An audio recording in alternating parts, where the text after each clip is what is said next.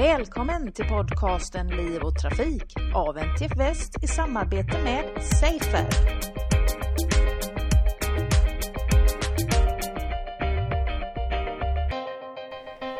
Idag så träffar Liv och Trafik Stefan Kanderfjord som forskar eh, vid signaler och system vid Chalmers och Safer och Medtech West. Välkommen till programmet. Tack så mycket.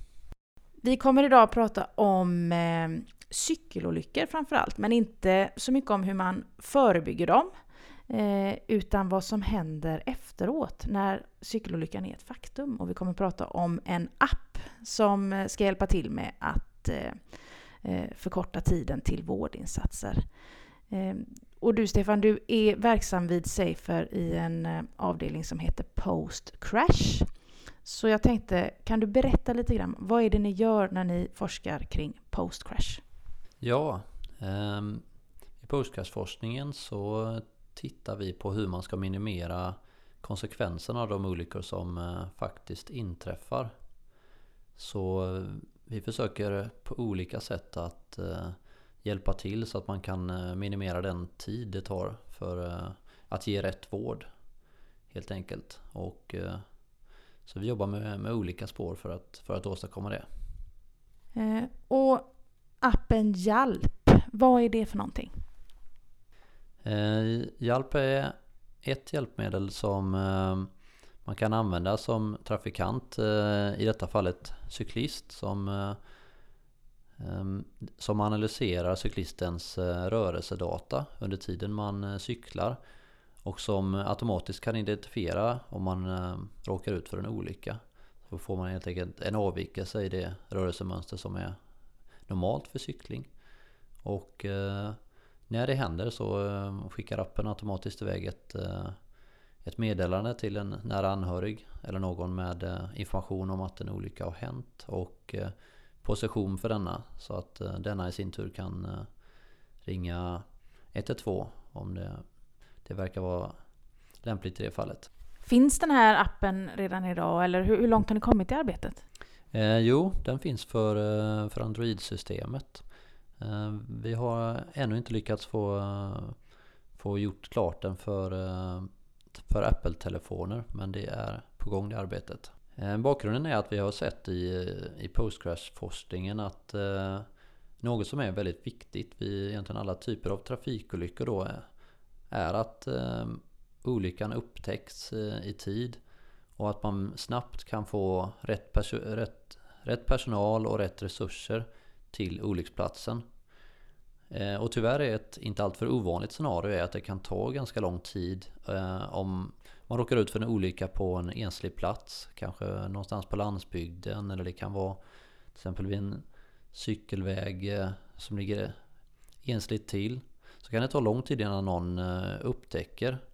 Och har man eh, upptäcker olyckan, har man då inte någon möjlighet att eh, ringa själv för att man kanske är svårt skadad eller så. Så kan det ta lång tid.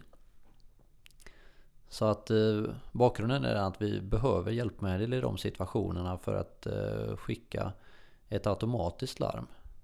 Och i, i bilindustrin har man jobbat länge med de här frågorna och EU har gjort den här satsningen på vad man kallar e-call. Där var man eh, där var fordonen framöver då kommer att larma automatiskt när det har skett en olycka som eh, till exempel triggar airbagen. Och då skickar det ut ett larm. Och vi har inspirerats av det men, men tycker att eh, andra trafikantgrupper såsom cyklister, ryttare och andra även ska kunna nyttja denna teknik. Och då har vi tittat då speciellt på om man kan göra det med hjälp av bara mobiltelefoner eftersom så många har med sig en mobiltelefon eh, när de är ute och sensorerna som finns i dessa eh, börjar bli ganska avancerade och man kan, eh, man kan göra man kan få mycket information om, om turen på detta sätt. Du nämnde ryttare. Finns en motsvarande hjälp för den som rider också?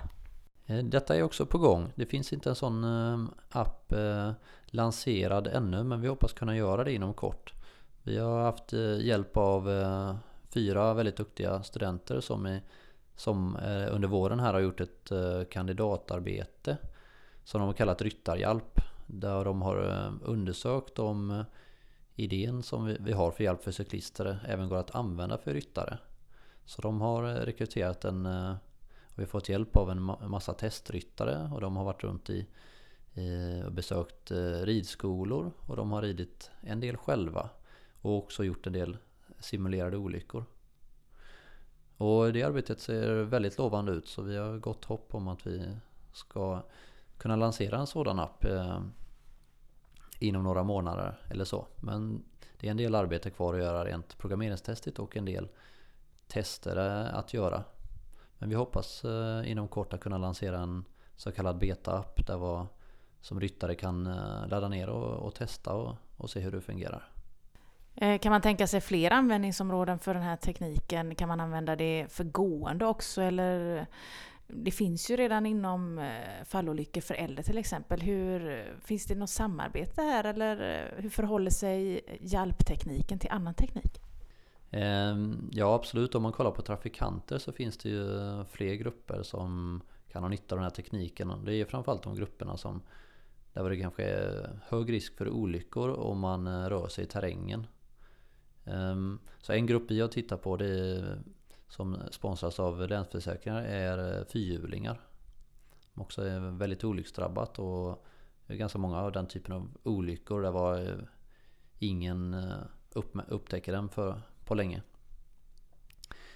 Och sedan vad det gäller gående och så, det är också möjligt. Ehm, vi har inte adresserat denna grupp än men ehm, Alltså om man kan få ett sätt att eh, göra en tillförlitlig detektion av att en olycka har skett på något sätt ehm, så kan man tänka sig att eh, den här tekniken kan, eh, kan vara hjälpsam. Så till exempel om man blir påkörd som gående så kanske det är möjligt att, att detektera att man får kraftiga sensorutslag på mobiltelefonen då.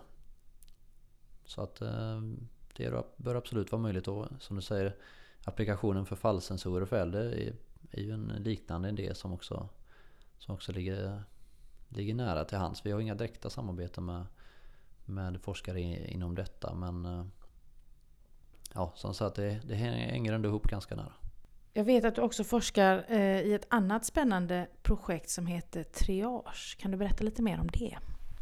Ja, Triage är ett, eh, också en mycket viktig metod som man använder för att försöka skilja de som är allvarligt skadade från de som inte är det. Så att man kan göra rätt eh, prioritet och ge dem som är i störst behov av eh, expertvård det så snabbt som möjligt.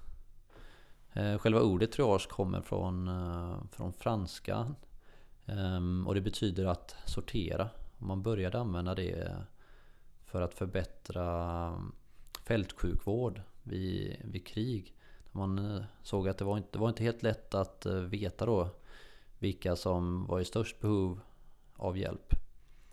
Men då eh, när man införde lite systematiska metoder att helt enkelt sortera dem i olika kategorier. Så det här är ett jätteviktigt verktyg då för, för traumasjukvården. Så, så idag har ambulanspersonalen Eh, vad man kallar ett typ av triageprotokoll där man tittar på olika kriterier för patienten. Eh, dels mäter man eh, till exempel andningsfrekvens och puls och andra parametrar av patienten. Om de har avvikande värden, till exempel om man har väldigt hög puls eller väldigt låg andningsfrekvens så är det då en större risk att man är allvarligt skadad. Ehm, och sen om man inte kan se någonting direkt av de här vad man kallar vitalparametrar som puls och andning då. Så eh, tittar man på kriterier för eh, det våld som har åsamkat eh, personen då. Och då kan det vara till exempel en, en höghastighetskrock eller fall från hög höjd eller något. Ehm, och då de här protokollen ger olika risknivåer för patienterna utifrån de här kriterierna. Och det baserar sig på att det är, det är väldigt svårt för ambulanspersonen ibland att kunna avgöra om någon är svårt skadad. Till exempel om man har eh, inre skador som inre blödningar eller så.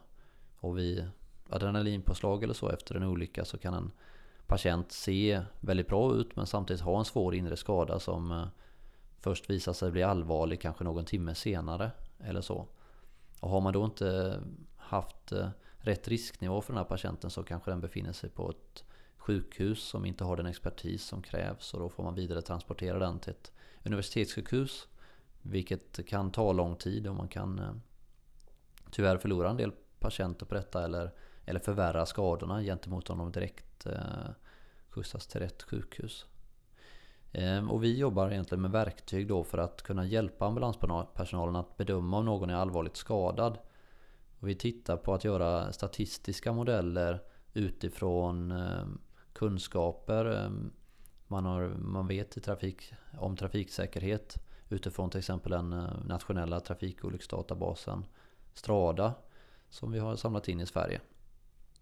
Och då kan man tydligt se att det finns vissa kriterier som är ganska avgörande för om eh, en, eh, någon i, som är inblandad i olyckan uppfyller då för att den kan vara allvarligt skadad. Det kan till exempel vara om, om personen är obältad så ökar sannolikheten för allvarlig skada väldigt mycket. Eh, vilken typ av olycka det är. Till exempel en frontalkrock är allvarligare än en, en krock bakifrån vilken vägtyp det är. Vi vet att de flesta allvarliga olyckor ofta händer på 70, 80, 90 vägar. Ehm, och kön och ålder spelar också in för eh, hur stor sannolikhet man har att klara av en allvarlig krock helt enkelt. Finns det någon teknik i bilen också som hjälper till att göra den här sorteringen? Eh, ja, många bilfabrikanter eh, jobbar med system där de har där de utnyttjar de eh, avancerade sensorerna som sitter i bilen såsom accelerometrar. Och med hjälp av de här så kan man så att säga spela in krockkrafterna under krockögonblicket. Och då kan man använda dessa för att göra en bedömning av hur, hur allvarlig krocken är. Och det har man visat att eh, man kan göra en ganska effektiv bedömning av om någon passagerare har skadats allvarligt vid krocken utifrån att eh, titta på de här krockkrafterna. Ehm, och de bilfabrikanterna som har gjort sådana här system, då, då fungerar det så att um, efter att den här bedömningen har gjorts, då skickas den här uh, informationen om risk för allvarlig skada eller inte då vidare till uh, ja, motsvarigheten till 112 eller så. Så att eh, det jobbas mycket med detta och det är också en, kan bli en förlängning då att man kommer införa mer av den typen av system också i samband med införandet av e-call. Men det är inte obligatoriskt i e-call att ha en sådan bedömning med informationen. Utan det är bara i nuläget då eh, kommer det obligatoriskt att ha den funktionen om det har skett en olycka. Och att då automatiskt eh, skicka vidare ett larm. Eh, jobbar du med något ytterligare projekt skulle du vilja berätta om? Eh, ja, vi har väldigt intressanta projekt eh, inom att kunna detektera vad man kallar okulta skador, alltså dolda skador såsom inre blödningar. Och vi arbetar i samarbete med företaget Medfield Diagnostics med system som kan mäta en patients hjärna och kunna avgöra om det finns en blödning i hjärnan eller inte. Och eh, det är vad man kallar en, en intrakraniell blödning och det är en rätt så vanlig typ av allvarlig skada man kan få vid en trafikolycka. Vi tittar även på liknande frågeställningar för bröstet. Det är också en väldigt vanlig trafikskada att man får inre blödningar eller vad man kallar. Det finns en annan, skada som heter pneumotorax där man får eh, luft mellan eh, de hinnor som omger lungan. Vilket kan skapa ett, eh, ett eh, tryck på lungan som är farligt och andningen kan till sist upphöra av detta. Så den typen av tekniker jobbar vi med för att också då hjälpa ambulanspersonalen att om, om det till exempel finns en misstanke om allvarlig skallskada då skulle de hoppas vi i förlängningen då kunna mäta med ett sådant här system på huvudet och, och få en eh, bedömning av om det finns en inre blödning eller inte. Eh, och vi, vi bedriver just nu den första kliniska studien i samarbete med neurokirurgi på Sahlgrenska universitetssjukhuset på patienter med intrakraniella blödningar. Och för att återknyta tillbaka nu då till appen Hjälp, vad är nästa steg? Eh, nästa steg är att vi vill testa det här i, i bred skala um, ute i verkligheten. Vi eh, behöver till exempel få kunskap om eh, ja, vi har inte testat några, några riktiga olyckor och sett eh, hur appen beter sig så mycket i, i verkligheten ännu. Så att det behöver vi mer kunskap om och så att vi kan förbättra den utifrån användares återkoppling och vad vi själva ser hur det fungerar. Då uppmanar vi alla cyklister där ute att besöka jalp.se för att få mer information om hur man laddar ner den här appen. Och tusen tack Stefan för att vi fick prata lite med dig. Tack så mycket. Det var allt från Liv och Trafik för denna gång. Jag heter Angela Elvård och tack för att ni har lyssnat.